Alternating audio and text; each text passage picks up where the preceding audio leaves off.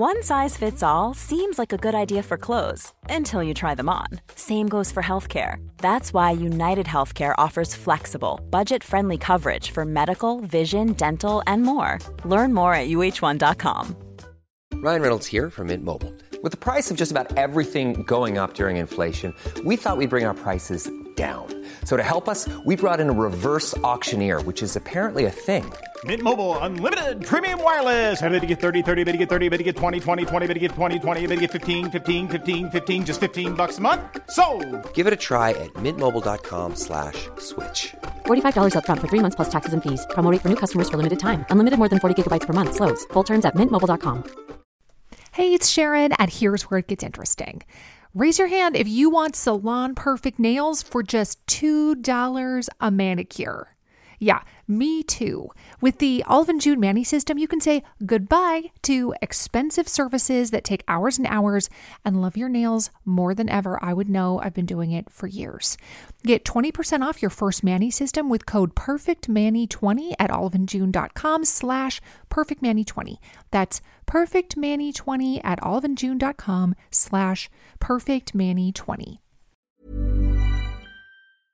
jag fattar det nördiga i att verkligen se fram emot en sån här rapport från Credit Suisse. Men där är ju några sådana här takeaways som är så viktiga, som att den förväntade avkastningen i framtiden kommer vara lägre än vad vi tror. Att aktier är inte ett sånt bra skydd mot inflation som är den gängse eh, synen. Och att faktorer är mycket, mycket svårare att tjäna pengar på än vad många tror. Du lyssnar på Rika Tillsammans-podden som handlar om allt som är roligt med privatekonomi. I den här podden får du varje vecka ta del av konkreta tips, råd, verktyg och inspiration för att ta ditt sparande och din privatekonomi till nästa nivå på ett enkelt sätt. Vi som gör den här podden heter Jan och Caroline Bolmesson. Idag är det dags för avsnitt eh, 194 och eh, idag så tänkte jag att vi skulle prata lite om vikten av långsiktighet, men framför allt så tänkte jag att faktiskt att vi ska prata om Credit Suisse, som har släppt en rapport som heter så här Global Investment Returns Yearbook. Brukar de göra det då? Ja, eh, Ja. de släpper det varje år och detta är ju lite, alltså jag vill inte säga att jag är som ett barn på julafton, men när jag får den så läser jag den. Och jag tänker att detta avsnittet får vara lite sådär, detta är en rapport som typ ingen hade läst om man inte hade liksom fått den lite tvunget i det här poddavsnittet eller i den här Ja, nej, men så kan det nog vara. Ja. Men, men varför är du som ett barn på julafton och varför eh, är det speciellt då för 2020 som du känner så, detta är kul? Eller? Nej, men, Nej. nej. men det, det är fyra stycken professorer som Credit Suisse, då den stora banken, eh, anlitar. Och sen så vad de gör är att de varje år så tittar de liksom på historik, så lång data för typ 23 eller 32 länder, så långt bakåt som möjligt och sen så liksom försöker de dra då slutsatser kring då aktier, räntor, statsskuldväxlar, inflation, eh, marknader. Alltså så att det är liksom så här Lite stortrender liksom. De, Ja, och så är det lite så här statistikbonanza och, och, och så är det ändå liksom så här, men jag tycker så här, man får en ganska bra känsla för, för marknaden i stort och liksom så här tidsperioder. Så att detta är ju verkligen att ta sånt helikopterperspektiv, alltså 10 000 kronor, 10 000 meter ovanför och liksom se aktiemarknaden, räntemarknaden, statsskuldväxlar och lite, lite är det alltid samma professorer vad du vet? Jag tror att det var, jag vet ju, det vet jag Nej. inte. Så, så Nej, det nog- kanske inte är så viktigt. Det är bara att det är deras perspektiv då ju. Ja, jag vet inte. Ja, men det är säkert, det, det är eh, bra. data. Det är ju inte så mycket. Ja, det är data, ja det är ju det, det. men att- kom, har de egna liksom... Nej, det är mycket bra observationer. Ja. Så att dagens avsnitt är ju lite så här eh, grafbonanza. Ja. Men som vanligt så går det naturligtvis jättebra att bara lyssna på, på avsnittet, så jag tror vi kommer att göra det. Så att jag tänker ibland att liksom ett syfte med denna, eh, liksom med vår podd eller med vår kanal, det är ju att ge liksom guldkornen så att man inte behöver läsa Credit Suisse då, Global Investment Returns Yearbook själv, utan att man får liksom guldkornen så här. Eh, Så att liksom så här, ekonomipodd för ekonomiintresserade, Intresserade. men inte nördar. Så kan man väl säga nästan. Men inte bara nördar. Nej. Bra, och jag tänker så här att om, där, om vi skulle plocka fram de, där är några fyra fyra viktiga då grejer som man egentligen kan ta med sig från detta avsnittet. Mm. Så detta är väl lite som en sammanfattning. Och, och det är inga nyheter, men det känns ändå liksom bra liksom så här, det bekräftat en gång till. Och det är så här, aktier slår ju räntor eller aktier slår de flesta andra tillgångar över riktigt långa sparhorisonter. Men vi kommer att prata om det där med lång sparhorisont i avsnittet för att den är längre än vad man tror faktiskt. Och sen så kommer vi prata också om det här att eh, långa sparhorisonter spelar ingen roll om man inte överlever på kort sikt. Mm. Och sen är det någonting som jag blev faktiskt förvånad denna gången, är ju att inflation spelar en större roll än man spontant tror. Och inflation är ju detta med att pengar minskar i värde och det är väldigt mycket diskussion kring det här eh, just nu. Liksom senast igår så skickade Ray Dalio en rapport, eh, från, det är han som har den här Bridgewater-fonden, som var så här, Why in the world would you own bonds? Varför skulle Mm. man äga räntor eller US-dollar i dagens miljö? Så hade vi lite samtal kring det på, på forumet och sen var det en annan, så här Mark Howard, som också släppte en, ett memo för 2020. Så att så här, i, i februari, mars, då brukar alla sådana här liksom rapporter som tar lite längre tid att göra komma. Mm. Och sen den fjärde, fjärde faktorn är ju så här att marknaderna är i konstant förändring. Eh, och vi kommer att prata om det både med sektorer, mycket, det har varit mycket tech-aktier vi har pratat om senaste året eller två åren. Men vi kommer att titta liksom så här, vad var den stora sektorn på liksom 30-talet? Hur har liksom de här sektorerna förändrats? Och framförallt så kommer vi prata lite om faktorer också. Eller det här med smart beta. Liksom. Okej, Ja. då kände jag så. att jag, du har säkert sagt det, men jag vet inte vad det är för något. ja, men det kommer ju mer... Det kommer Du är så mer dum ut när jag tittar på dig. Nej, Ja. nej, men vi har inte pratat, vi har inte alls pratat så mycket om smart beta. Eh, vi, det kom ju upp, vi gjorde ju faktiskt en intervju förra veckan med Barras, med professor Barras, eh, som eh, då har skrivit en, en, ett par artiklar som är riktigt, riktigt bra och som eh, fått väldigt stort genomslag. Ja. Och då pratar vi om alfa och beta. Ja. Eh, och, och nu kommer vi liksom fördjupa det lite. Men det avsnittet kommer komma. Vi ska bara översätta det, så det tar lite tid. Eh, men liksom så här, generellt så kan man säga så här att beta, det är då marknadens avkastning. Att om marknaden, om till exempel världsindex, alltså en fondrobot, om vi säger Lysa till exempel, Lysa försöker ju följa liksom det globala indexet. Så då kan man säga att om det globala indexet gör 10% plus på ett år och Lysa gör 10% plus på ett år, då är, då har, då är beta liksom 10% Det är liksom Ja. marknadens avkastning. Sen pratar man ju om alfa, Ja. det är då av överavkastning då, eller underavkastning mot index. Så att gjorde du 12 procent när marknaden gjorde 10, då hade du ett alfa på 2 procent. Gjorde du 6 procent när marknaden gjorde 10, då hade du ett negativt alfa på minus 4. Det här är sånt som bara som gör att man känner sig smart sen när man kan berätta det för andra då, Ja. utanför denna blogg. Podden. Precis. Och då smart beta, då finns det, då för- försöker man bryta ner de här 10 procenten i olika faktorer. Så vad beror de här 10 procenten på? Jo, men de berodde på då lite olika då faktorer. Eh, Smart beta, var, alltså ja, att man då bryter försök- ner. Ja, och då försöker man välja vissa faktorer som tenderar att gå bättre än andra. Att man säger till Aha. exempel så här, det är det vi har Ah. pratat om, att små bolag går bättre än stora bolag. Ja. Det är en sån här storleksfaktor. Jag förstår. Är du med? Mm. Så att, och då hade de ett rätt intressant resonemang om faktorer i den här Ja, eh, Credit som vi kommer ta upp. Som vi kommer ta upp. Ja. Så att, eh, ja, eh, det finns naturligtvis, eh, denna går ju att ladda ner på nätet. Man kan då antingen gå in på bloggen och så ta bildspelet och, och ladda ner länken. Då har de en sammanfattning. Det är rätt roligt, den här sammanfattningen tror jag är på så här 150 sidor. Och sen har de liksom en full, på- full version i det Men där. varför ger de ut den egentligen helt gratis?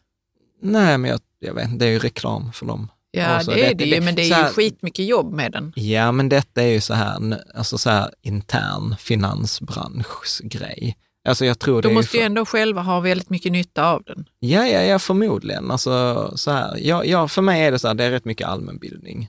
Så Ja. jag tycker, jag, jag gillar det för att det ger en, liksom en känsla.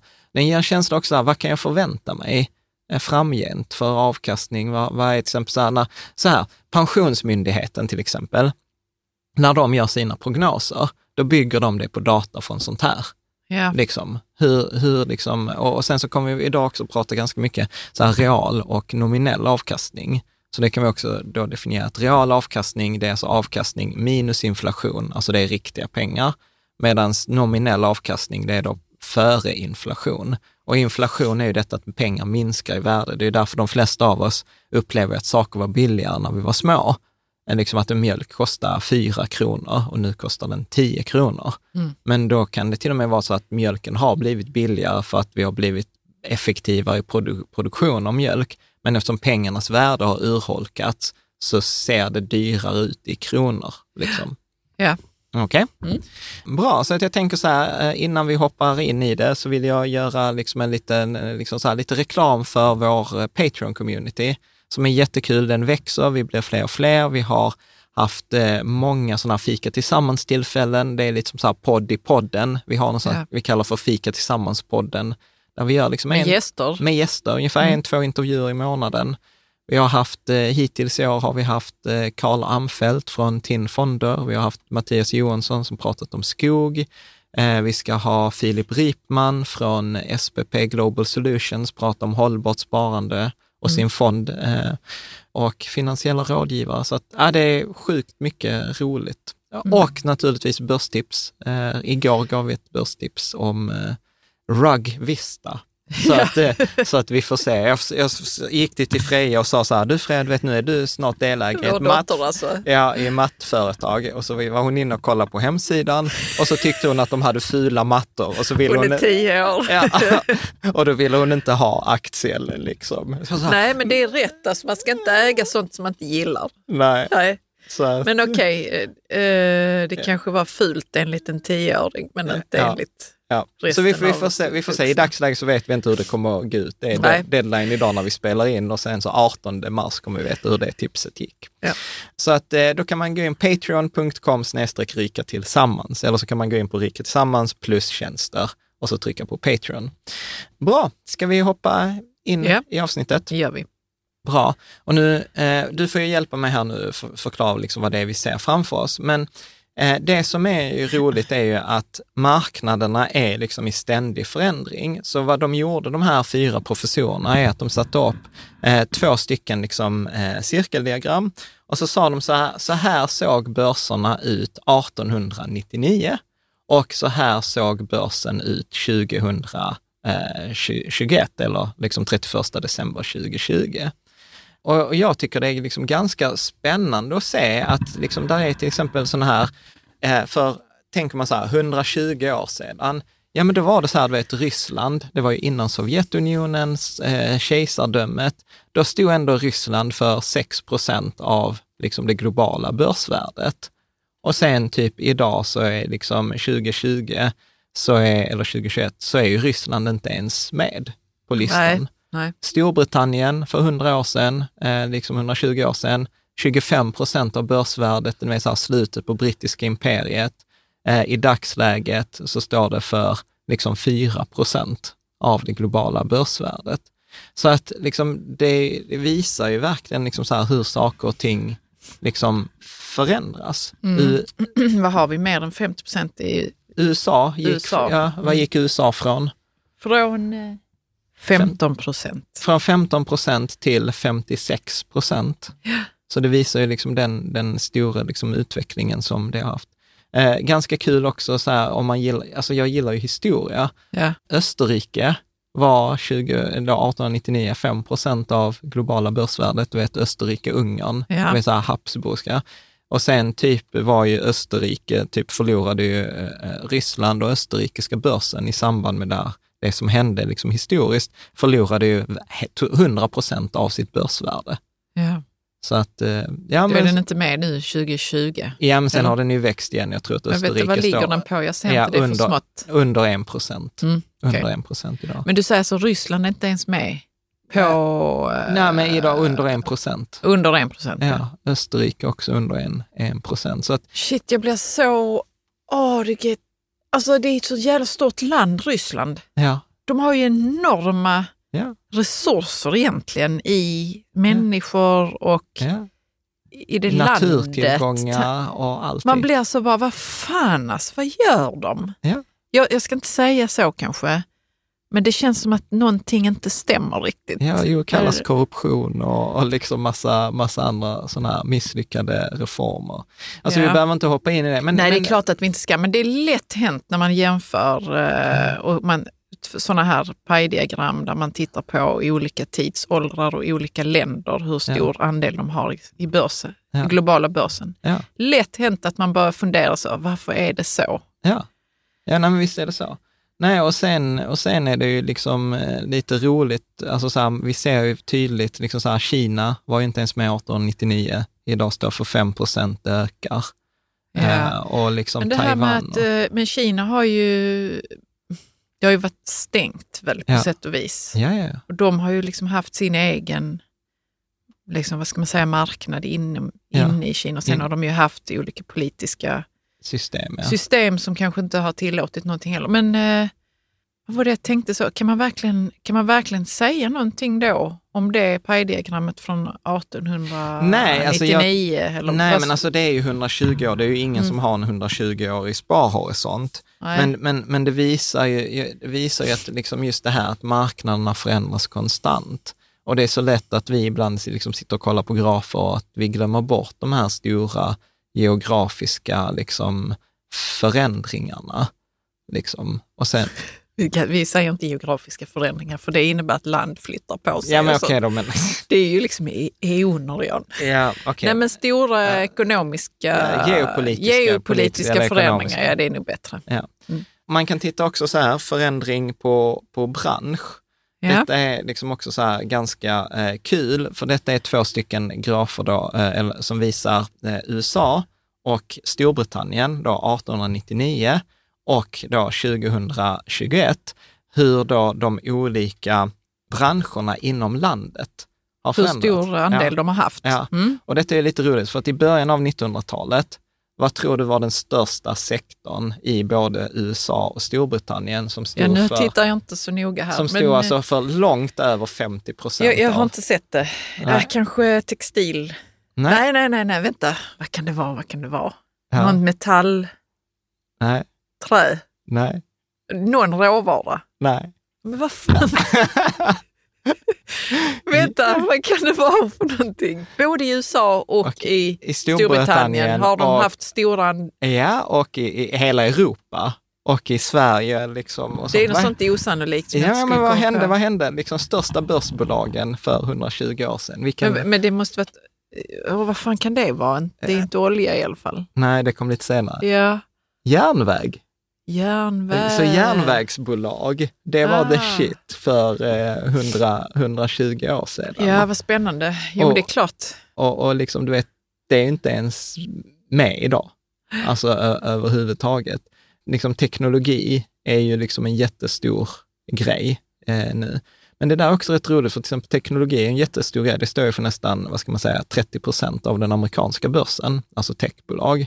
Medan tittar man på Storbritannien så är ju inte, så är tech liksom mindre än kanske 10, 10 procent. Utan Mm. till exempel i, i Storbritannien så är det då industrials som är lite så övrig slaskgrupp. Jag eh, Jag bara zonade ut här nu och tänkte på sådana maglev-tåg och sånt. Men vad sa du i Storbritannien? Vad var, vad var stort nu? Liksom? Vad- Industrials. Alltså, vad betyder det då? ja, men det är industriföretag, verkstad och industri kan man väl säga. Eh, till stora. Okej, stora- det känns ju så, det känns inte bra ju. Att det är så... eh, Ja. Nej, men jag bara tänker att, jag bara tänker att det är liksom lite roligt att se vissa sådana här, eh, att liksom båda två hade mer än 50 procent järnväg och sen har det liksom utvecklats åt, åt olika håll. Så att det är ju liksom, det är ju alltid, jag tror att det är svårt att liksom så här förutse se de här förändringarna och så här blir det ju väldigt tydligt. Sen har ju inte detta skett från ett år till ett annat. Men, men, men verkligen hur det inte är någon naturlag att tech ska vara den största sektorn eller det eh, som ska gå. Nej, jag vet att du säger att inte ska vara en naturlag, men sen så känner jag ändå lite sorg för Storbritannien som har sån jättestor industriell eh, sektor liksom. Mm. Som känns som att det, det är klart det behövs en, en liten sån, Mm. men att de inte har eh, så mycket innovation kanske. Nej. Nej. Nej, jag vet inte. Jag tror inte man kan säga så himla mycket mer. Nej, man kanske eh, inte kan från det. Men annars så var det precis som du säger, textil var också stort i början av 1900-talet. Det är inte ens med sen. Tel- telegrafföretag var också stora eh, för det. Så att eh, om, om man liksom tittar på det, så eh, på liksom avkastning på lång sikt, så säger de, har de ett ganska intressant stycke, att de säger att många tycker ju att lång, lång tidshorisont eller lång sparhorisont är tio år, medan de hävdar att liksom tio år är ganska kort och att man behöver egentligen en mycket längre tidsperiod för att kunna bedöma risken i aktier och räntor. Sen är det också så här, vi kommer ta lite citat, de skiljer på då equity eller stocks, bonds och bills. Stocks är då ak- aktier, bonds skulle jag säga obligationer eller räntefonder och bills är statsskuldväxlar, alltså att man lånar ut pengar till staten. Och då är det ju så, bills är minst risk, bonds är näst minst risk och aktier är högst risk. Mm. Det var tre, du sa fyra eller? Ja, equity och stocks är Equity samma är- sak. Okej. Ja. Det är aktier. Mm. Och då säger de liksom eh, så här att när de tittar på de här 121 årens historik som man har, så kommer man liksom se eh, att eh, liksom hur, hur, hur tror man att det kommer gå per år eh, liksom framgent. Och sen är det ju naturligtvis, eftersom det finns mest data på USA, så, så är det ju där de fokuserar mest. Men, men det intressanta är att om man investerade en krona, nu tar vi nominellt, det vill säga innan inflation, så investerade man en krona eh, 1900, så är den, hade den idag i aktier varit värd typ 70 000 kronor. Ja. Så en krona, 70 000 kronor. Medans om man tar det då realt, alltså där man säger så här, okej, hur mycket är en krona värd idag och så vill jag kunna köpa lika mycket för den kronan om 50 år, Ja. till exempel. Då är det typ 2300 kronor, så en krona växt till 2300. Så att det är ju ändå liksom så här helt galen avkastning, 2300 gånger pengarna på 120 år. Medan om man jämför då med räntor så är det 12,5 gånger pengarna och jämför man då med så här statsskuldväxlar så är det 2,6 gånger pengarna realt.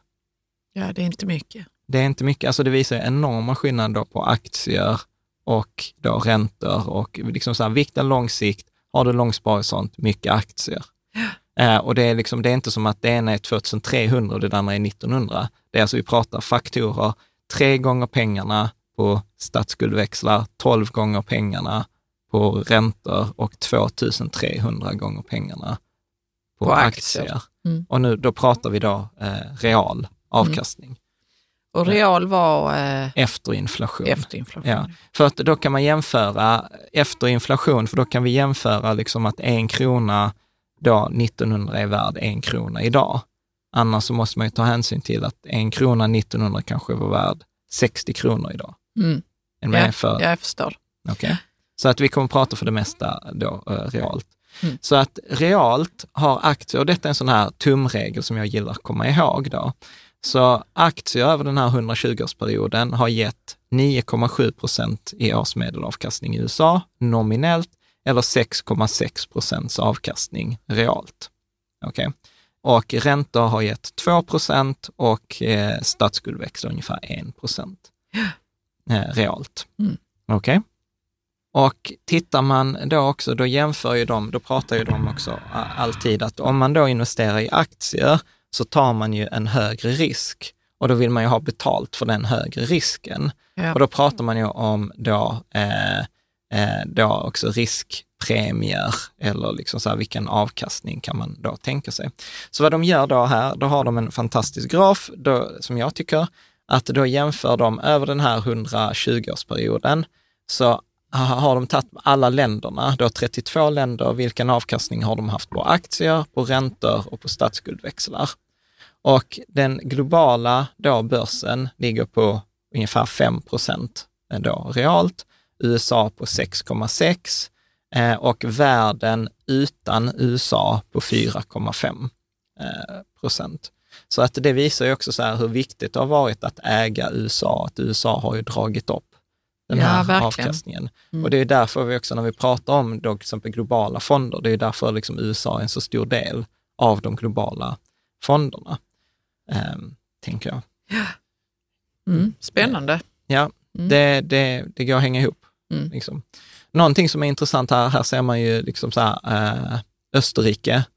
Eh, Österrike negativ eh, avkastning, 7,8 procent eh, realt. Men det var ju det för att aus, den österrikiska börsen liksom kraschade och blev värd noll. Eh, typ. Mm. Men annars är ju liksom de positiva, liksom aktierna är ju positiva eh, på, nej förlåt, det var inte aktier, det var ränt statsskuldväxlar. Det, Om man, vilket- om man, alltså, på vilket- Österrike, om man lånade ut pengar till den österrikiska staten, då Österrike, Habsburgska riket, så gick de ju i konkurs. Så då blev man ju av Men vet du vad, jag har pengar. lite dålig koll på den historiska händelsen. Ja, men det var i samband med första världskriget. Ja, okej, okej, jag tänkte så att detta var tidigare. Nej, det var Österrike-Ungern. Men så att alla aktier under de här 120-årsperioden har ju gett positiv ändå, avkastning.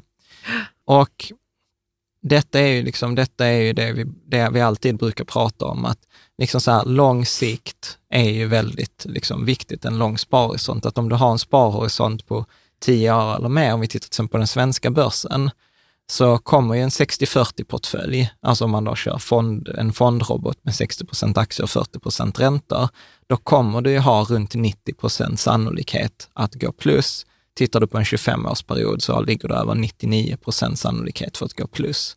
Så att de här långa tidsperioderna är superviktiga. Men eh, sen så brukar jag också säga så att även om man kan förvänta sig kanske 7, då, 7 avkastning nominellt, så är det viktigt att man inte tänker att man kommer få 7% varje år. Utan ett enskilt år kan ju börsen gå lite hur som helst. Alltså förra året, 2020, då gick ju svenska börsen plus 15 procent. Eh, 2017 gick den plus 9, 2008 då gick den minus 39 procent. Så att det är alla de här siffrorna vi pratar om nu, 6,6 procent realt, det är ju liksom 120 år fördelat liksom år, år på år, alltså årsmedelavkastning. Ja, visst är det så. Okej? Men du, om jag bara får eh, komma tillbaka till den här grafen där du visade de här länderna. Ja. Både, Ja. eh, real avkastning, aktier, räntor och statsskuldsedlar står det här. Ja. Men, alltså, eh, vänta, Ja. jag måste titta. Men kan man se någonting med eh, vad som har hänt politiskt och hur det har påverkat här, förutom då Mm, Nej. Österrike? Eller det kan man inte. Man kan inte säga att det Nej. har påverkat särskilt mycket. Nej, Med jag- andra världskriget tänker jag. Nej, det kan man, nej, det kan man inte säga, för detta är en årsmedelavkastning över hela de här 120 åren. Ja, okej, alltså så det, det- det, ja, det, precis, det ja, jag det man tänker är ju liksom så att majoriteten av alla marknader lägger någonstans mellan 4 och 6 procent över den här liksom 20 års... Eh, Men vad är det 20 för länder som ingår här? Är det europeiska länder? Eller? Ja, Nej, utveckla- förlåt. eh, Det är, ju, Ut- det är vissa länder som inte ingår, det kan vi väl säga. Ja, som inte har haft en aktiebörs. Det är Ja, många precis, länder som inte är- har en aktie, fungerande aktiemarknad. Så de länderna som har haft en fungerande aktiemarknad under 1900-talet ingår Ja. ju här. Så att här är det till exempel Belgien, Tyskland, Frankrike, Spanien, Frankrike, England, Japan, Europa, då, Irland, USA, eh, världen ex-USA, eh, Nederländerna, eh, ja, utvecklade marknaderna, Finland, Sverige, Danmark, Nya Zeeland, Australien etc. etc. Mm. Så att det, det är de marknader som ingår. Mm. Och sen kan man ju liksom läsa mer om respektive marknad. Om man, Ja, ja, det kan man göra. Det är intressant ju. Se fall, eh, Ja. hur, hur, jag bara tänkte så på det brittiska riket, liksom. ja. vad som ingick i den börsen som de hade och hur länge det Men det kan jag kanske själv leta Nej, men jag på. förstår inte riktigt Nej, men jag tänker så, hur länge hade de Indien till exempel? Ja, jag vet Ja, jag vet att detta är helt irrelevant. Jag vet det, men det är så min hjärna funkar. ja. Så vill den veta så, när fick Indien en börs? De har en börs väl? ja, absolut. Ja. Men det måste ju varit långt efter att Storbritannien vet släppte inte. dem. Jag vet inte. Ja. Det känns som det är lite så här snillen spekulerar och inte Ja, vi ska inte hålla på. Ja. Så att en, en av de viktigaste grejerna här är ju då att aktier slår det mesta över tid. Och pratar man om överavkastning, som är det, liksom det intressanta, då tittar man på så här, vilken avkastning hade jag fått om jag hade räntor? Vilken avkastning hade jag fått om jag hade lånat ut pengarna till staten, alltså statsskuldväxlar, och vilken avkastning har jag i aktier? Så man pratar om skillnaden däremellan. Eh, och det är det kallar man för riskpremie eller överavkastning. Nej, men då, då är det intressant att titta på vad är den här överavkastningen som jag får i aktier? För när jag tar en aktie så tar jag ju mycket större risk. Alltså då, jag har ingen säkerhet. Går bolaget konkurs blir jag av med alla mina pengar. I räntor, då lånar jag ut mina pengar mot en säkerhet. Så kan inte företaget betala och det går i konkurs, så kommer man först sälja alla tillgångarna och sen kommer man försöka betala skulderna. Det är typ som pant på huset kan man säga. Mm. Och statsskuld växer, då brukar man ju säga att länder kan ju inte gå i konkurs, för de kan ju alltid typ höja skatterna. Så att då anses ju då statsskuldväxlar vara det absolut säkraste. Och då kan man säga så här, okej, okay, du får ungefär 4,4 procent mer betalt i aktier än att låna ut pengarna till en stat, alltså mot statsskuldväxlar och du får en riskpremie på 3% mot räntor, alltså du lånar ut pengarna till företag. Så att detta är återigen liksom så här bra, bra tumregler tycker jag, så här, komma ihåg. Så hur mycket mer betalt får jag? Ja, men jag får ungefär 4 eh, mer betalt för den här risken jag tar i, i aktier. Och eh, sen så kan man ju också då prata om lite om just då med inflation, för du kan ju ha räntor som kallas reala räntor. Alltså till exempel en realräntefond finns till exempel på Handelsbanken. Det har jag talat om. Och då lånar man ju ut pengar, men då säger man så här att inflation, då vill jag ju ha betalt för den risken eh, att det blir inflation och inflation urholkar ju pengars värde. Och det där är ju viktigt att komma ihåg för att om jag har ett lån och pengarnas värde urholkas, det är ju bra för mig som har lånet, eftersom mm. det betyder att mitt lån blir ju mindre värt. Alltså det minskar ju i Ja, du har mindre att betala tillbaka. Jag har mindre, nej summan är ju fortfarande samma. Eller, eller ja, hur? Okay. Summan är ju samma, men jag, det, pengarna är ju mindre värda, så lånet är ju mindre värt. Så den som får tillbaka en miljon, som har lånat mig en miljon kronor, ja. om vi har 50 procents inflation, så behöver jag fortfarande betala tillbaka en miljon kronor. Men den personen kommer bara kunna köpa hälften så mycket som de kunde när de lånade ut pengarna till mig. Det känns ju väldigt diffust. Okej, okay, så här. Jo, jo, men uh, så det spelar ingen roll för mig egentligen om jag har lånat ut, om jag har, bli, om jag har uh, vad heter det? Nej, men så här, tänk, tänk en hundralapp på tomater. Ja. Yeah. Okej, okay, du lånar mig hundra kronor. Okej, okay? för hundra kronor kan du köpa hundra tomater. Okej, sen går det ett år vi har 50 procents inflation. Jag behöver fortfarande betala tillbaka 100 kronor till dig, ja. men du kan bara köpa 50 tomater. Ja. Är med? För pengarna, för nu har ju priset på tomaterna ökat från en jo, krona till två kronor. Jag förstår att jag känner mig... Eh... Du blir blåst. Ja, men du måste ju ändå betala tillbaks de 100 kronorna. Och på vilket sätt är det mindre smärtsamt för dig egentligen? Jo, genom att till exempel ofta vad som händer då är ju att på, på jobben så ökar ju lönerna mm. högre för att jag behöver fortfarande mat att äta, så jag behöver ja, fortfarande äta. Du behöver vara i kapp hela tiden ja. med priserna. Ja, ja mm. precis. Det är därför vi har till exempel lönehöjningar på ungefär 2 procent per, per år. För att, för inflationen för att är 2 inflation. Okej. Okay. Är du med? Mm, jag förstår. Ja, jag bara trodde ja. att det skulle vara något mer spektakulärt nej, kring detta. Nej, så inflation urholkar pengars värde. Ja. Deflation är då motsatsen, det är när pengarnas värde ökar. Det är plötsligt, du lånar yes. mig 100 kronor och sen när jag betalar tillbaka 100 kronor så kan du köpa 120 tomater mm. liksom, för de där 100 kronorna. Mm. Uh, Okej, okay. och då kan man då säga att okej, okay, jag vill låna ut mina pengar med då det här inflationsskyddet. Så att okej, okay, jag lånar, du lånar ut 100 kronor till mig, men för att jag ska få låna dem så säger du så här, okej, okay, det här lånet uppräknas med inflationen.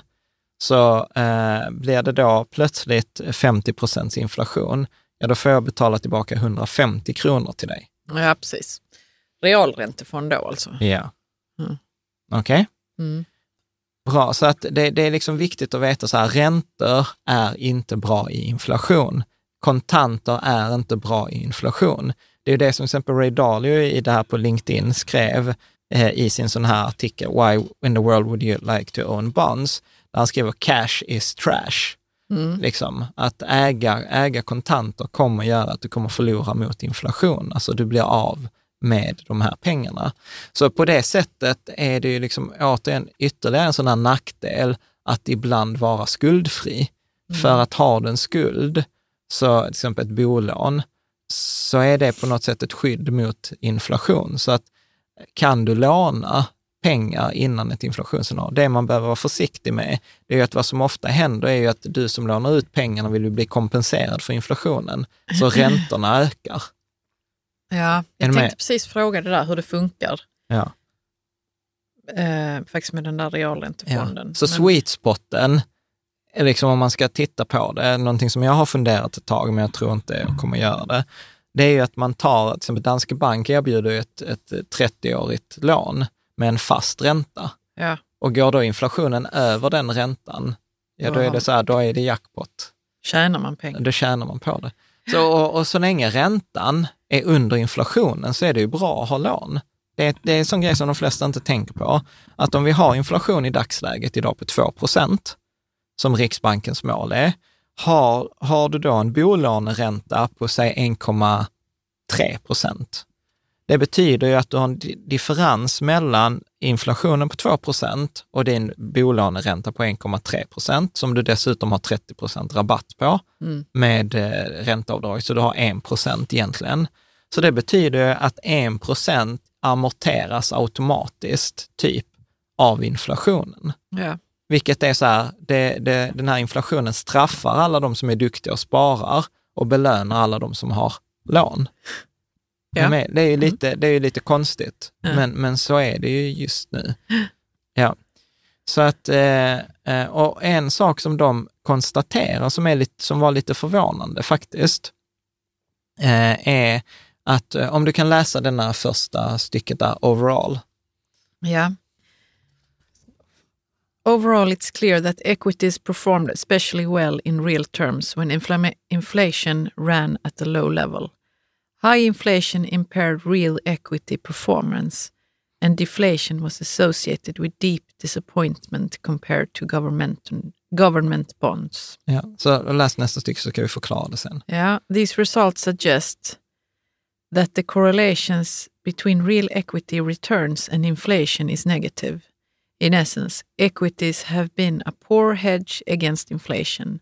There is an extensive uh, literature which backs this up. Och så det Ja. sen. Yet it is widely believed that common stocks must be a good hedge against inflation to the extent that they had have had uh, long run returns that were ahead of inflation. But their high ex post return is better explained as a large equity risk premium. Ja. För mig är detta så här, detta var ju stora behållningen för mig Okej, detta. berätta vad du fick ut av det då. Jo, jag så- hade så- behövt översätta det och sen Ja, slå upp. ja. Så vad de säger är så här, gängse synen, när vi har haft fondförvaltare här som vi har intervjuat, och så har vi frågat dem så här, men om det nu kommer inflation, hur kommer det liksom påverka er fond? Och då är det vanliga svaret så här, nej men aktier är ett jättebra skydd mot inflation. För aktier har ju gått, titta här, vi har haft inflation under hela 1900-talet, aktier har gått jättebra. Ja, Är du med? så det spelar ingen roll. Liksom, Så det att- spelar ingen roll. Nej. Det är väl liksom, och detta är väl den gängse uppfattningen som jag också brukar säga så här, nej men det spelar ingen roll, kan du ha aktier, särskilt om du kan ha aktier som kan skicka vidare prishöjningarna till sina kunder, så är det ingen, så är det ingen fara.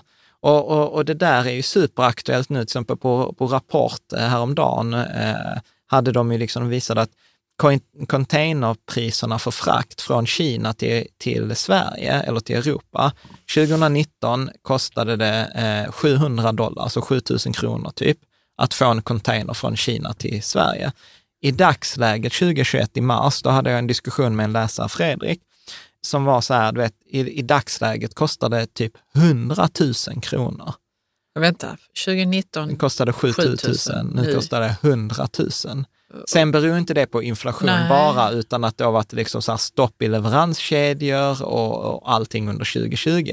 Men råvarupriser har gått upp eh, etc. Så att de flesta företag kommer ju behöva skicka de här prishöjningarna vidare till sina kunder. Problemet är att vissa kunder kommer inte kunna köpa på de nivåerna. Nej, Är, är du med? Så vi har liksom, och, och kan du inte skicka vidare prishöjningarna till dina kunder, så, kommer inte, så är ju inte din aktie ett bra skydd mot inflation. nej. Okej? Mm. Och, och då är det liksom den gängse bilden, aktier är bra mot inflation, medan de här fyra professorerna skriver så här, nej, det är de inte. Utan, Men beror det inte på vilka aktier då? nej, men de, nu pratar ju de om aktiemarknaden Ja, generellt. generellt. Ja. Och det där är också lite så här chansning, vem som kan skicka det liksom vidare. Man kan försöka tänka, men sånt är ju Det går jättesvårt. inte att räkna ut riktigt. Nej. nej, det är jättesvårt. Men då säger de så här att anledningen till att aktier har gått bättre även i de här inflationsperioderna under 1900-talet, det beror inte på att aktier är ett bra skydd mot inflation, utan det beror ju på att de har haft den här höga riskpremien som vi har pratat om tidigare. Att du får mer risk, du får mer betalt. Men om du tittar, liksom tar hänsyn, liksom jämför äpplen med äpplen, så har aktier varit ett ganska dåligt skydd mot inflation. Särskilt då jämfört med, som de säger, med, real, eh, med eh, realräntor. Med? Så att det jag tar med mig här i, i detta stycket, det är ju att det inte går på den här sanningen som liksom återupprepas i massa poddar och böcker och bloggar, att aktier är en bra skydd mot inflation. Nej, det är de inte, inte liksom som generellt. Ja, men vänta så bara så jag förstått detta rätt nu. Mm. Det här med containrarna, det, det är ju inte inf- inflation, eller hur? Bara, inte bara inflation. Inte bara inflation, men, varf- men eh, alltså det kan inte... Alltså det är så fantastiskt, bara fok- fokus på helt så här, i min värld, irrelevant grej. Ja, men det är för att jag inte förstår det riktigt exakt Okej. hur aktier inte är ett bra skydd mot inflation. Det är någonting som För att, de inte, för för att de inte kan skicka prishöjningar. Så här, Jo, om, jo, jo. om, om, om vi har, säger så här att en Coca-Cola-burk kostar 100 spänn Mm. och så är det inflation 2 procent. Ja. Kan Coca-Cola höja priset från 100 till 102 kronor eller från 10 kronor till 10 kronor 20 öre? Kommer folk fortsätta köpa Coca-Cola? Ja, det, kan, det, det är en beroendeframkallande dryck. Ja, det kommer de. Ja, högst sannolikt. Så då, kan, då skulle man kunna argumentera för att nej, Coca-Cola är inte priskänsligt eh, på det sättet. Okej, säg till exempel eh, LKAB eller någon stålindustri eller någon sån här. Kan de som jobbar i en sån här, du vet, där man ska sälja tusentals ton, varje, liksom så här, varje liksom, tiondels procent spelar roll. Är du med? För att det ska sen skickas vidare, förädlas och förädlas, förädlas. Och då säger de så här, nej men du vet om de höjer priserna med 2 procent, du vet, då kommer har de, de- köpa från Brasilien istället. Ja, Eller så har de eh, ingen affär. Jag fattar, okej. Ja. Jag tror jag förstår detta. Det, här, det är ett Så- sätt så att att- tänka, alltså jag har aldrig tänkt de här tankarna förr. Ja, för det betyder att då kan ju inte LKAB höja priserna, för de Nej. behöver behålla kvar priserna. Alltså är det de som förlorar 2 procent av sin intjäning. Mm. Är du med? Mm. Och då, hur reflekteras det då i deras Jo, men om du säljer... aktie, i aktien då? Ja, genom, genom att de då, om de innan då har, har sålt, om vi räknar på inflation som att det blir minus, ja det betyder att om de innan tjänade 100 kronor, nu tjänar de 98 kronor. Ja. Och tjänar de 98 kronor när de innan tjänade 100 kronor, ja varför ska jag betala lika Jo, men mycket de som får är... ju färre vinst, eller mindre Ja, vinst ja, då. exakt. Ja. Ja, så det Och- ser det ut som att företaget går sämre. Eller va? inte ser inte ut, de går sämre. De går sämre. Och går Jo, men vi företag... måste också se det. För att liksom, Vadå? nej, det, jag bara tänker så, ja, det, det var inget. det var inget, jag tänkte högt. Ja. Är du med? För det är klart, eh, liksom så här, tjänar de mindre pengar så växer de ju inte, de går back och går ett företag tillräckligt länge back, då ska ju aktieägarna sätta in pengar. Och då har ju liksom halva poängen med äga Ja. aktier gått Ja, förlorad, precis, för du vill ju ja. ha ut pengar från dina aktier, du vill inte sätta in pengar. Nej. Du vill ju bara sätta in pengar om bolaget säger liksom så här, ja men du vet vi ska köpa fler bolag eller vi ska växa på en ny marknad. Då kan det vara kul att sätta in mer pengar för man tänker så här, detta kommer jag ju tjäna tillbaka. Men att sätta in mer pengar för att LKAB ska kunna fortsätta flytta sina containrar från Kina till Sverige och liksom få en sämre vinst, alltså det är ju inte jättekul. Nej. Så då kommer man ju straffa det aktiepriset. Mm. Okej? Japp. Ja, bra. Så att, eh, så att väldigt tydligt här, liksom, equities have been a poor hedge against inflation. There is extensive literature to back this up. Så aktier är inte ett bra skydd mot inflation. Så ett bra skydd mot inflation, det kan vi prata om sen, men det är ju till exempel att ha lån, det är att ha guld till viss utsträckning, men det finns ju också väldigt mycket olika teser om huruvida guld är en bra, eh, bra skydd mot inflation. Eh, och sen har du de här realräntefonderna eller TIPS, Ja. TIPS eh, som är då eh, amerikanska realräntefonder. Eh, Men det finns inte några supermånga alternativ. Reala, reala tillgångar mm. brukar man, alltså det är till exempel fastigheter, skog, kanske konst eller vin eller liksom sådana såna saker. Så När de det, säger literature så menar de väl forskning? Ja, mm. de, har, de har, har ju klippt i studier, de har ju massa så här, så hade de en lista på studier som hade backat upp detta. Men jag har klippt i det. Så att, mm. men detta är en sån här behållning att, eh, att för mig var detta, jag har nog också Absolut, sagt det ibland. Absolut, det är alltid trevligt eh, när man får nya, vad ska man inte säga, nya sanningar. Men man får man nya får, problem. Ja, men när man får en tankeställare att det inte var så som man trodde, då är det ju på ett annat sätt. Ja. Och det är också spännande ju. Ja, precis. Ja. Sen tittar de på eh, valutor och eh, här har de ju dock eh, liksom då, eh, bortsett från inflation och så har de låst eh, mot US-dollarn. Så man har sagt så här att US-dollarn är värd en dollar, liksom är, är, det är basvärde 1, 1900 till 2021 och sen har man plottat alla andra valutor mot dollarn, hur de har rört sig. Och, och detta är ganska eh, spännande, för typ i princip alla utom två valutor har förlorat värde mot dollarn under 1900-talet. Uh, ja, jag kan inte riktigt se här det eh, är, vilka de är. Det är schweizerfrancen som har ökat i värde mm. och sen är det NLD, som jag faktiskt inte vet vad det är. Va? Sitter ja. du här och inte vet vad det ja, är för något? För, för grejen är så här, när vi kollar på grejer, vi tycker att helt olika saker är intressant. Jo, men det var du som tog upp att det var två valutor som inte hade förlorat i värde mot dollarn och då undrar man vilka är de då? Ja, okej, okay, då är det då schweizerfranc, CHE eller CHF och, och nederländsk valuta. Och nederländsk, eh, men det finns ju ingen, de har ju euro. Så att ja, jag vet. Så att jag vet. Vi, vi kollar upp vad det är för något. Ja. Vilket är ganska intressant. Svenska kronan har liksom förlorat i värde jätte, alltså ganska mycket. Där är, där är två valutor då, tyska marken och den här österrikiska som liksom kraschade, den blev ju värd noll gentemot eh, dollarn. Men så att det är inte så mycket liksom så intressant att titta på, förutom då när de har liksom då slutsatsen. Och du kan läsa deras slutsats, för detta tyckte jag också var intressant. Ja.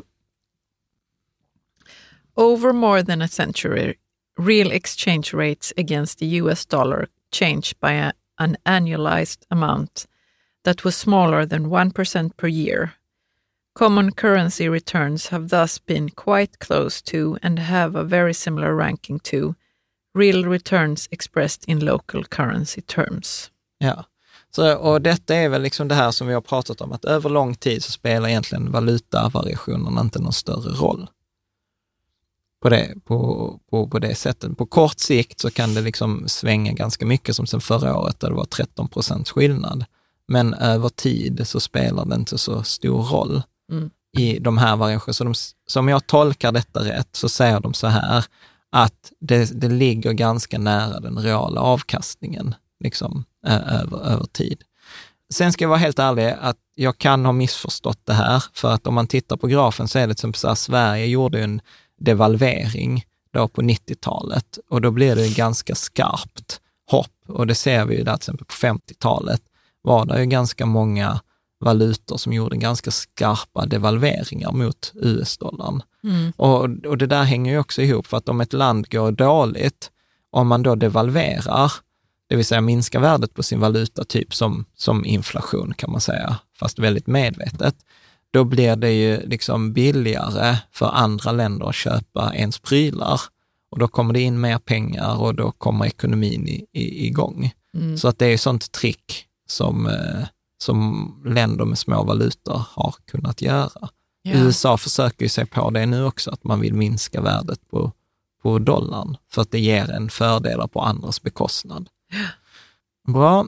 Och sen så har de eh, ett ganska intressant stycke där de pratar om då risk, alltså risk med investeringar. Och eh, då tittar de ju på då variationerna, så om man investerar liksom kortsiktigt på kortast tidshorisonter eller långa tidshorisonter. Eh, så hur, hur ser avkastningen ut eh, då? Och det är här de kommer fram till, liksom så här, på tio år så kan man ha en ganska stor variation. Så då säger man liksom så här på tio, eh, på tio år, om vi tar årsmedelavkastning, så varierar den mellan minus 5 och 15 procent. Så du har fortfarande liksom 3 och 4, 75 procent sannolikhet för en positiv eh, liksom avkastning. Mm. Men när sen till exempel tittar på 20 eller 30 eller 40, 50 år, då blir ju denna liksom mer och mer jämn. Alltså att variationerna minskar. Och när de tittar liksom på till exempel 100 år, då är det i princip ingen variation, utan då ligger vi på de här 6 procenten real avkastning på den amerikanska börsen. Ja. Ja. Eh, är med? Så att detta ja. är, jag vet inte hur man ska säga, att det är som en strut. Ja. Att ju kortare tidshorisont, desto bredare är struten, medan ju längre tiden går, desto mer exakt blir avkastningen runt de där 5-6 procent. Och det säger sig självt. Alltså, har vi två personer vars längd vi ska räkna ett snitt på, så spelar det ganska stor roll vilka två personer vi har. Har vi 100 personer och vi lägger till den hundrade personen så kommer inte den påverka snittet, eftersom Nej. där är 99 personer redan som, som liksom påverkar snittet väldigt mycket. Mm. Eh, Absolut. Är, går det att förklara så? Ja, det ja. tycker jag. Så att, och, men vad de också visar är att det är ganska stor skillnad. Så till exempel här, här pratar man ju så här att det finns ingen 20-årsperiod. Jag tror det var, var 17-årsperiod på amerikanska börsen som har gått back. Så det finns, har, du, har du investerat i aktier 17 år på den amerikanska börsen har du alltid gått plus. Jag tror i Sverige, har du investerat i 20 år så har du alltid gått plus. Ja, okej, okay. det ska längre tid. Nej, vänta här nu. Det finns ingen 20-årsperiod. Du kan ta till exempel 1935 till 1955 Nej. eller 1901 Nej. till 1921. Med, då har du alltid gått plus de 20-årsperioderna. Mm. Du har inte alltid gått plus alla 10-årsperioder. Nej. Okay. Men detta är också då olika, för tittar man på japanska börsen, då, så finns det uppemot liksom 35-årsperiod, då du, eh, eller till och med 50 år, då du inte ligger på plus. Alltså att det finns ganska många 50-årsperioder, där om du ägde aktier under alla de här 50 åren så, gick du, så var du inte på plus. Häng med. Alltså, du har ju sagt det innan om japanska marknaden, att den inte att den har, har svårt. Liksom. Ja. Inte... ja, den kraschade ju, eh, jag vet inte när det var, på 90-talet eller något sånt. Ja. Alltså de hade ju en jättestor så här boost. Alltså japanska börsen, alltså nu kan jag inte historien för det var ju när jag var barn, men alltså någonstans så läste jag, tror att när liksom resten av världen kanske gjorde 20 procent om året, så gjorde den kanske 100 procent om året. Du vet, i flera år. Så du vet, den var ja, för så... jag minns det som att, att man har pratat om japanska börsen som fantastisk. Ja. Men sen när, vi, när du och jag har pratat om det så har vi ändå kommit ner till att det är, de har stora problem. Ja, för att de har, de har liksom aldrig riktigt repat sig från den kraschen. Och det där, det där är ju det som är det stora problemet, som det är ganska många som inte förstår. Att om, om värderingarna är höga, så betyder det allt annat lika att den framtida avkastningen kommer att bli lägre. Ja, alltså, det är för det är sannolikhetsspelet. Nej, ja, men det är nej, det väl? Nej, men om det inte växer, alltså så här, om jag får 10 kronor på en hundralapp så är det 10 procent. Men om, om samma sak är värd 1000 kronor och jag fortfarande får 10 kronor i utdelning, ja då är det, då är det bara 1 procent. Ja. Förstår du? Så, så att avkastningen minskar med ökat pris. Den framtida förväntade avkastningen minskar med ökat värde eller ökat pris. Mm. Så, att, så att för att det ska, för att jag fortfarande ska liksom få 10 procent på en tusenlapp, då måste ju den här utdelningen till exempel ha växt från 10 kronor till 100 kronor. Och det är ju jättemycket svårare för företag att till exempel så här, dela ut 10 kronor på aktie eller dela ut 100 kronor på aktie, för det betyder att de måste ju tjäna 10 gånger så mycket. Ja, minst ju. Ja, och det är det som är liksom problemet med Tesla. När de ökar så mycket i värde, så måste ju de motsvarande, för att jag ska få sam, kunna räkna hem den här avkastningen, så måste de ju tjäna så himla mycket mer pengar. Och kan de göra det, ja men då var ju värderingen rätt. Men många gånger, det är det som man pratar mycket om nu, att värderingarna är så pass höga, så för att komma tillbaka till en liksom så normal historiskt genomsnitt, ja då skulle börsen behöva falla mellan 50, 60, 70 procent. liksom, och teknikaktier, om vi tar bara tech, så 2000, där i IT-bubblan, 2001 eh, typ, eh, då följer techaktier med 83 procent. Mm. Det tänker man liksom inte så Nej. ofta på, för att komma tillbaka till fair, liksom det som man brukar kalla för fair och value. Så att detta är ju klurigt och där är ju vissa, till exempel eh, han John Hussman som driver ett sånt här fondbolag, han pratar ju om att ja, men en korrigering på mellan 50 och 60 procent vore inte konstigt. Tvärtom är det ganska förväntat utifrån det som, som händer nu. Men det är ju detta som ingen vet. Han har ju sagt att det borde ske en korrigering de senaste åren. Alltså det borde ske en korrigering på 40 procent och 50 procent och 60 procent. Ja. Sen har du Mark Hussman, eller eh, eh, Mark eh, Howard, som skriver så här, Nej, men jag har varit på börsen i 70 år, det har funnits tillfällen då jag tycker att man ska säga att det är en bubbla. Detta är inte ett av de tillfällena. Nej, nej. Och, och, och då blir det så här, men vad ska jag tänka då? Och jag är så här, jag har ingen, jag har ingen aning. Och det är därför behöver jag ju ha en, ha en strategi som har tillräckligt mycket utrymme för att, för att Hassman har rätt med att det kan falla 50-60 procent och jag måste kunna vara kvar vid bordet. Det som vi pratar om, att kunna överleva på kort sikt. Men jag behöver också ha, ha, ha höjd för att Hassman har fel och eh, Howard har rätt eller att, Ja. eller att Erik Strand har rätt Ja. liksom kring sina scenarier. Så att jag försöker hela tiden ha en så flexibel... du pratade först om två. Ja, men jag bara hittar på. Jo, jo, men då blir det helt plötsligt eh, komplicerat. Man ska, vem ska man nu lyssna på och vad, hur ska man göra sin strategi då? Ja, alltså jag tänker det ska vi prata om i ett sån här avsnitt när vi pratar om att ha en plan. Men jag tror, Ja. att, jag tror på att ha en plan med mycket säkerhetsmarginaler. Ja, Så att jag kan, så att jag kan ha utrymme och säkerhetsmarginaler kan man ha på olika sätt. Säkerhetsmarginaler kan då genom att ha buffert, konto eller fyra hinkarna är en buffert, eh, är ju liksom ett sätt att skapa säkerhetsmarginal. Det kan vara att ha alla aktier, till exempel det var ju nu för någon vecka sedan, så var det så här, shit vad är det som händer? Tesla föll med 20 procent, techaktier föll med procent. Och du vet så här, tittar jag på liksom finanstwitter så verkar det helt crazy. Och så var jag så här, fan jag har inte ens märkt detta. Och så loggar jag in i mina, våra portföljer och så var jag så här, nej detta verkar ju bara vara en sättning i techaktier och inte i, i, i breda index. Så jag tror att liksom så här, techsektorn var nere 8 procent på en vecka och vår portfölj var eh, liksom, alltså breda global, hela aktiemarknaden var kanske ner 2 procent. Och 2 procent var ju så här, det, alltså det noterar man knappt. ja. Så att, så att jag tänker ju att ha mycket liksom space. Det är ju inte det som kommer göra att man tjänar mest pengar. För det hade ju varit att sätta allt på techaktier för fem år sedan. Mm. Men, men, eh, men då vet man ju liksom så här, tänk om det var fel. Jag tänker om det hade varit fel. Ja. Mm. Eh, Så det vet man inte.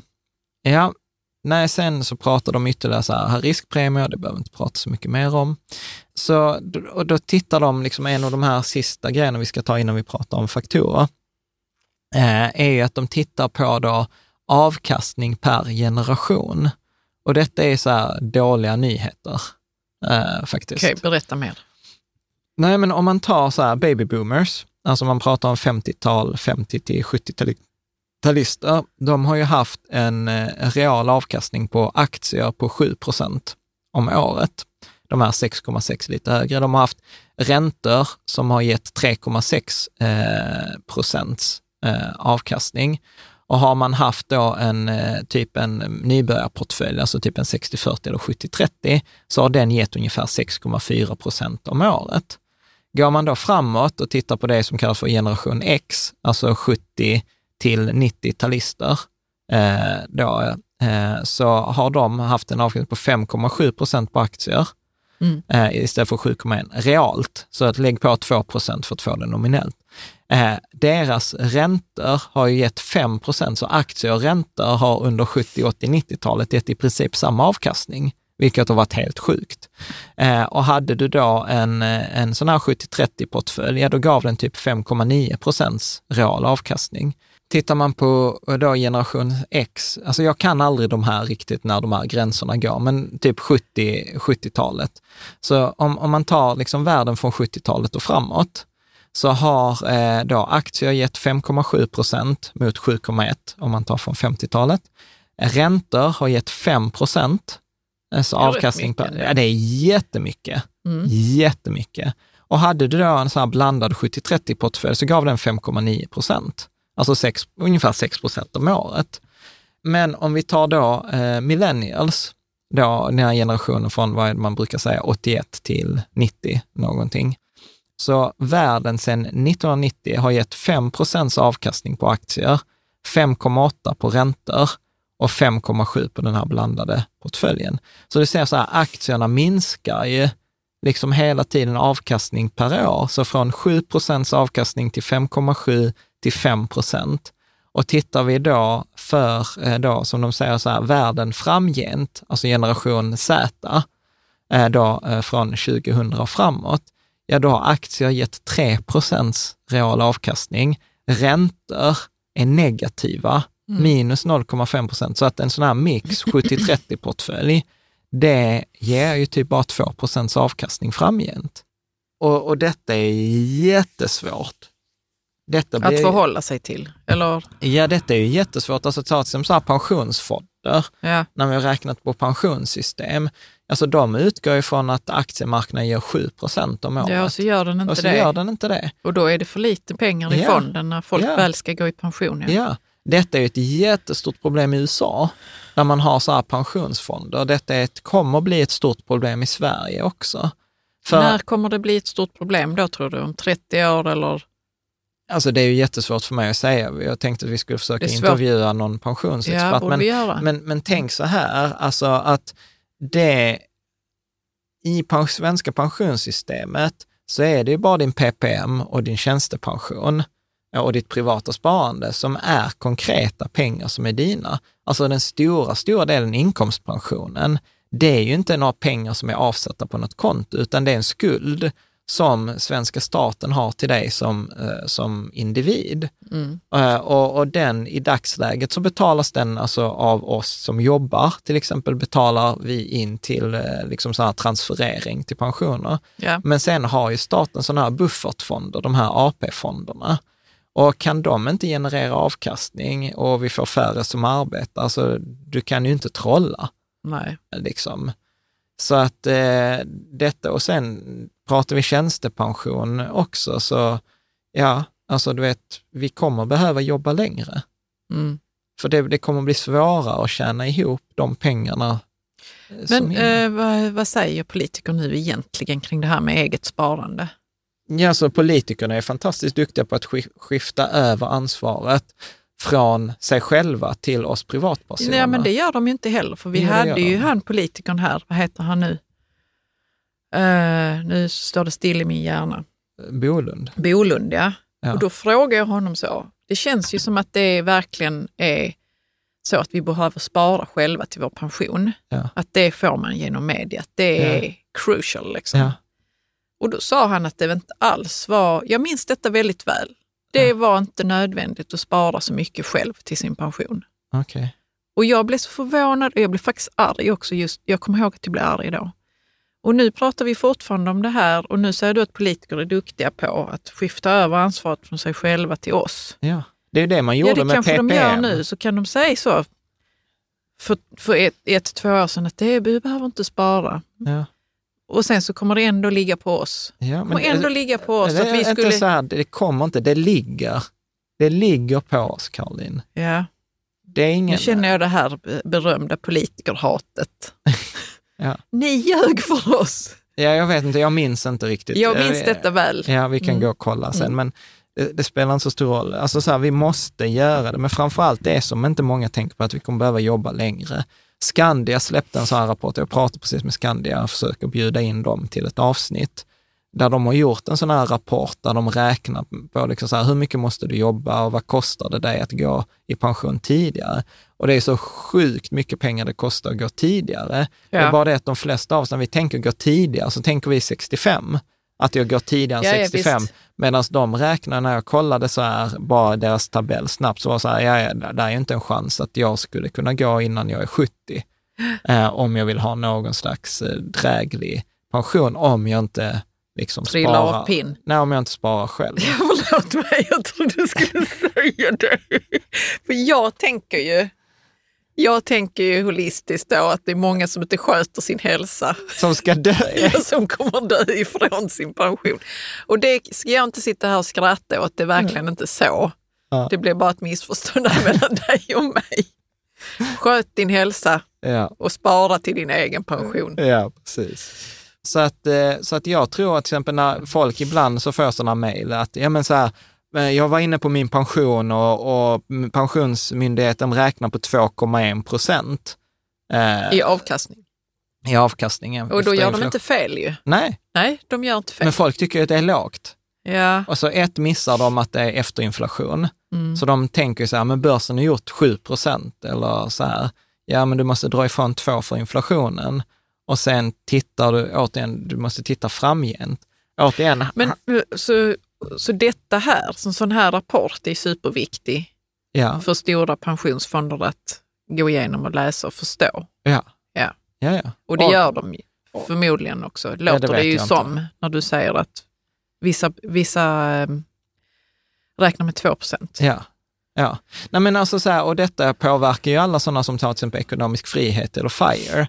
Förr kunde du ju räkna så här 4 regeln att du skulle kunna leva på att ta ut 4 av ditt kapital per år. Ja, men det förut, den regeln gjordes på 80-talet tror jag. Liksom när, bör, när aktier gjorde liksom 5, 6, 7 procent. Ja, det kommer ju inte funka liksom idag. Nej, alltså du sa det säkert innan, men varför är det nu så att, vi, att aktierna inte ges samma avkastning som då? Är det någon som vet detta? Nej, nej jag vet inte. Alltså jag tänker ju så här att, ja, jag, jätteklurigt. Jätteklurigt. Jag, jag, jag vet inte, det är en sjukt bra fråga vi borde ta med några som kan mer. Kanske en sån här fråga att ha i forumet.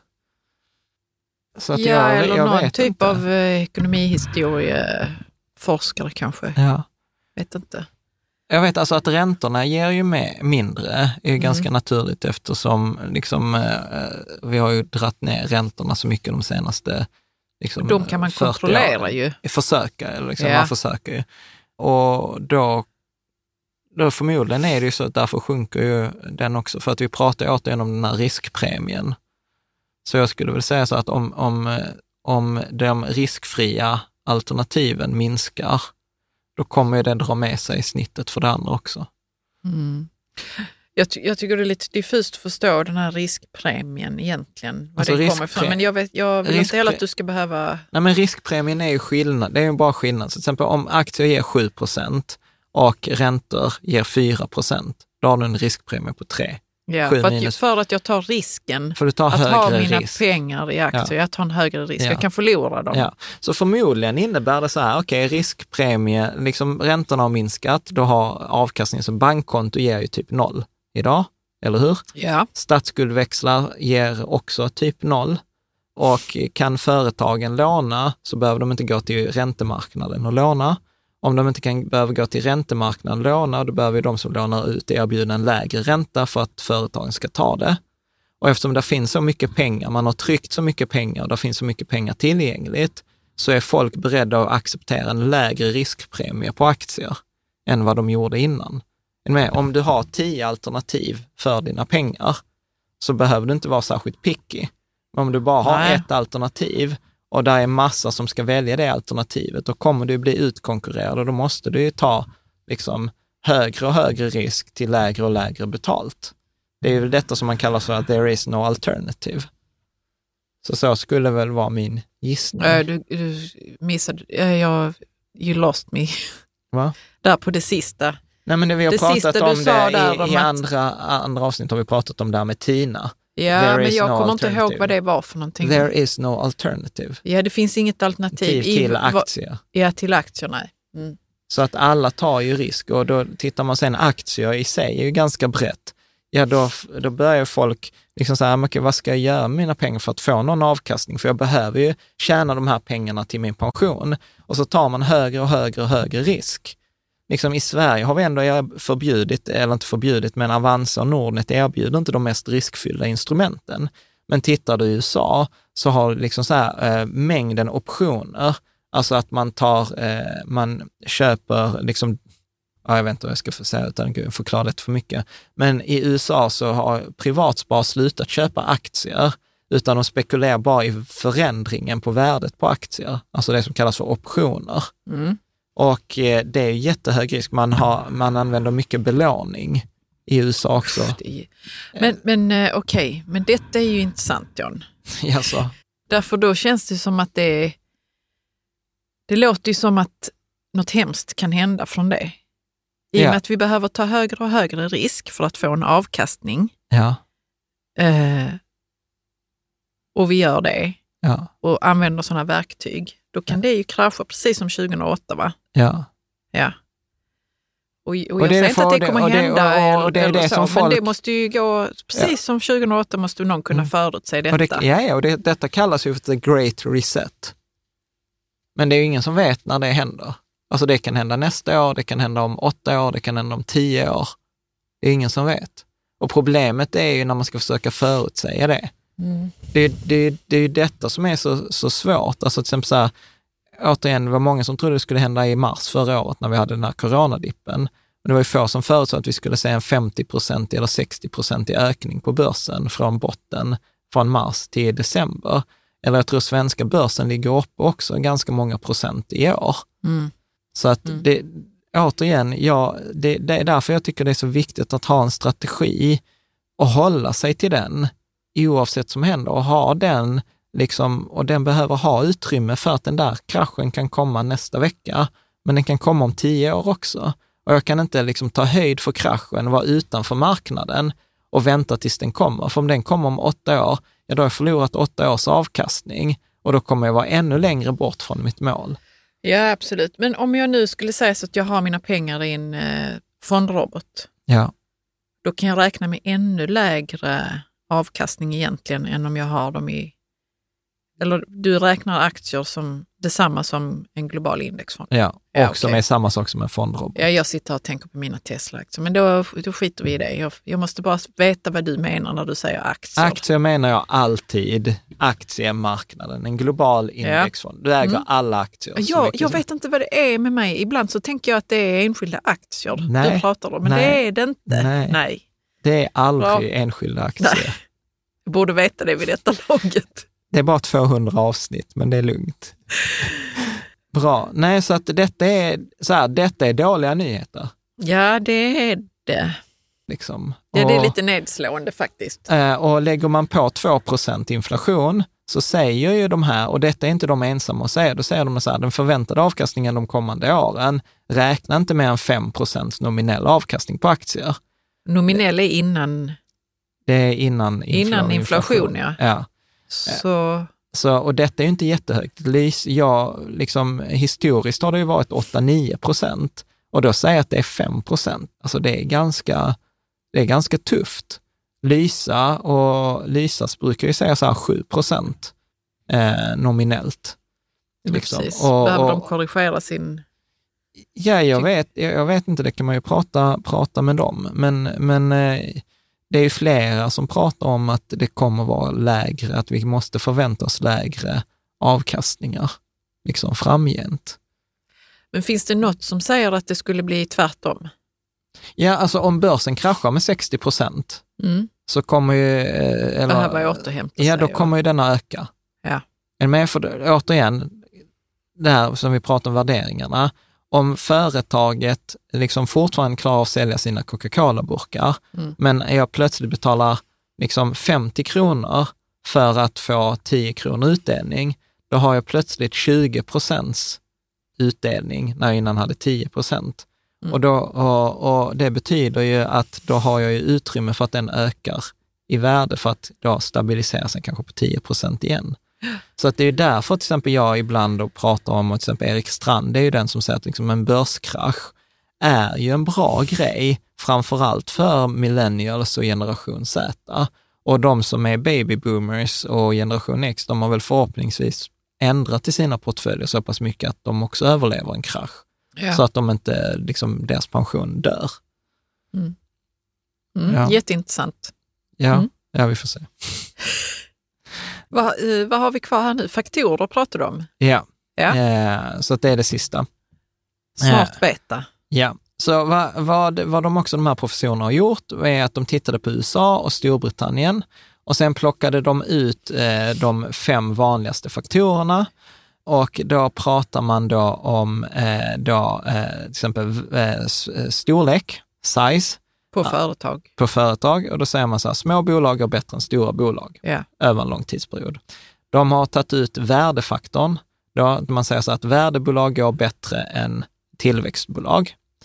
Sen har man eh, då momentum, eh, där man säger att bolag som tenderar att gå upp fortsätter gå upp och bolag som går ner tenderar att fortsätta gå ner. Att det finns en momentumeffekt. Eh, Och sen pratar man om low volatility, alltså som svänger lite. Att, eh, och sen så pratar man om eh, profitability, tror jag, alltså in, intjäning. Och så har de gjort en sånt här lapptäcke på de här två och tittat, så hur mycket fick du betalt för att ha de här olika då, faktorerna? Eh, och det intressanta här är att om man bara tittar på två, de här faktorerna, så är det i princip slumpmässigt. Där går inte att säga att den ena faktorn går bättre än den andra. Till exempel man säger så här, value har ju gått skitdåligt de senaste tio åren, trots att egentligen value ska gå bättre än growth. Mm. Eh, momentum, går vissa år går den jättebra, andra år går den skitdåligt. Och framför allt, så vad jag tyckte var intressant, är ju att tittar du till exempel på den amerikanska marknaden och tittar du på den brittiska marknaden, så är det helt olika faktorer som har gått bra i olika år.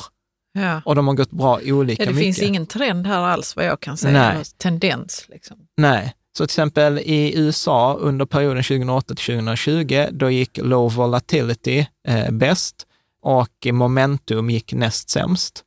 Eh, I USA gjorde momentum minus 2,3 medan momentum i Storbritannien gav ett plus på 8,1 procent.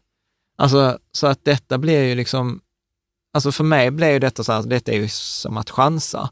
Du ska träffa rätt faktor rätt år på rätt marknad. Ja. Alltså supersvårt. Och detta är ju för mig hittills den bästa förklaringen mot, eller argument mot faktorer. Och detta är en anledning till varför Lysa säger så här, nej men vi vill inte ta in faktorer som, som en del i, i vår investeringsstrategi. Och du kan väl läsa, de kom väl fram, detta är Credit deras... Suisse analys av faktorer. Ja, ska du läsa dem? Mm. First, although these are labeled premiums, they are frequently negative. Ja, så du får inte betalt för dem, för det Nej. första. Sen kan man också säga så här, detta är fem faktorer, det är någon forskare, någon kines som har tagit fram 400 faktorer. Alltså så att, alltså jag vet inte, för mig börjar detta bli mer och mer brus. Att det är lite marketing-tjafs. Men om man ser någon typ av eh, eh, mönster, Ja. ju fler faktorer man har, tar in i, liksom, Ja. då, då kanske det kan vara meningsfullt. Ja, men det är jättesvårt. Att vissa faktorer hänger på andra på en viss Ja. marknad. Liksom. Så kan det vara. Ja. Ska du läsa nästa? At best, factor investing is long, a long-term strategy. Second, over time, the ranking of the factors varies a great deal. Third, and re, uh, and relatedly, although the rankings within a year uh, for the two countries are often similar, that is not always the case. For example, in 2017, low volatility did best in the USA but worst in the UK. Fourth, it is not obvious which factors are destined to do well. There can be a successful run of years, but it's hard to know if it will persist. An interval of 13 years is simply too brief to underpin judgments about the longer term premiums from a particular factor. Så det känns ju inte som att de var superpositiva här. Att de säger så här, Nej. att till och med 13-årsperiod, som många av oss tänker är en lång sparhorisont, så är det inte ens säkert att 13 år får betalt för att du har gjort faktorinvesteringar. Och då ska du alltså hålla någonting i 13 år, trots att du vet att varje år har det gått dåligt, alltså typ va- value. Ja, det händer ju inte. Vi, Ja. vi lever för kort tid, vi människor, för det Ja. här spelet. Ja, så att, så att nej, jag, jag kan ju säga så här, jag har ju inte varit något stort fan av Äh, faktorinvesteringar. till och med och- innan denna... Till och med innan detta och jag är väl ett ännu mindre fan eh, just nu Mm. eh, av det där. Mm. Så att, eh, ja, nej det är väl inte så mycket mer att säga om det. Yes, jag tänkte Ja. att vi skulle runda av. Ja. Vad tar du med dig från dagens avsnitt? Eh, alltså det var ju, kändes som att min hjärna blev kokt lite grann. Och det var mycket frågor.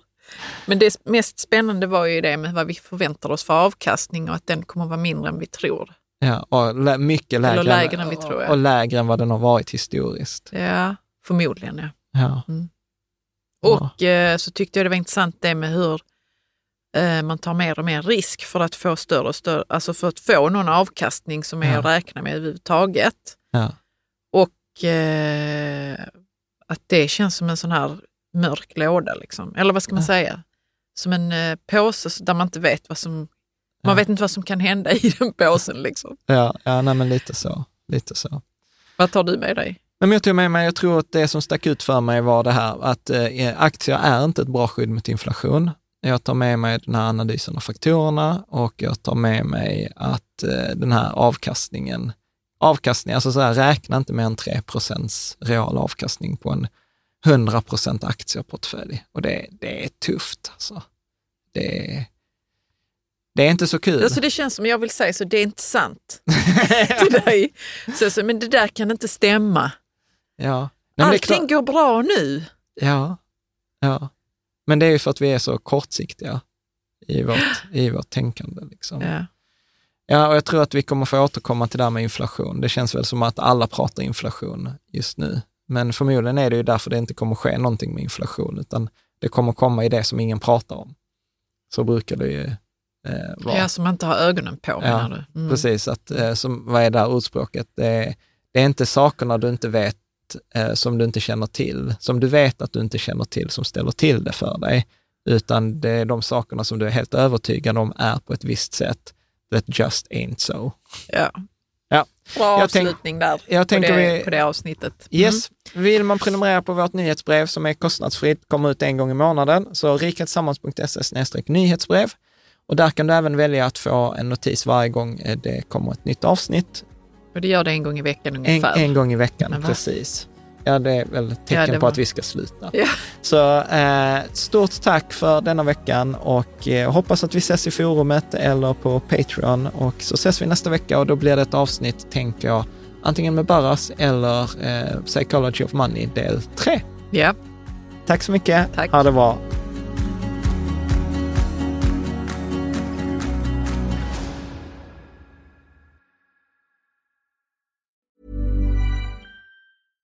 These days, having versatile clothing you can wear anywhere is a must. That's why American Giant makes all sorts of versatile any-weather staples, hoodies, jackets, and more. Whether you're buying a gift or stocking your closet, you'll find just what you need. And it's all made right here in the USA. Find your new wardrobe staples at American-Giant.com and get 20% off your order when you use code ANYSTYLE24 at checkout. That's 20% off at American-Giant.com, promo code ANYSTYLE24.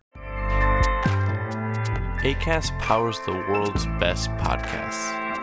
Here's a show that we recommend. The Real Housewives is a guilty pleasure for most, but if you're looking to not feel guilty about that pleasure, tune in to Everything Iconic with me, Danny Pellegrino, where I break down all the messy moments and behind the scenes antics of Bravo's popular franchise. And on Everything Iconic, I also interview celebrity guests like Kelly Ripa, Kiki Palmer, Drew Barrymore, Cameron Diaz, and more about their guilty pleasures, their past work, and so much more. So if you're pop culture obsessed and find yourself watching way too much reality TV like me, tune in to Everything Iconic with Danny Pellegrino wherever you listen to podcasts. ACAST helps creators launch, grow, and monetize their podcasts everywhere. ACAST.com.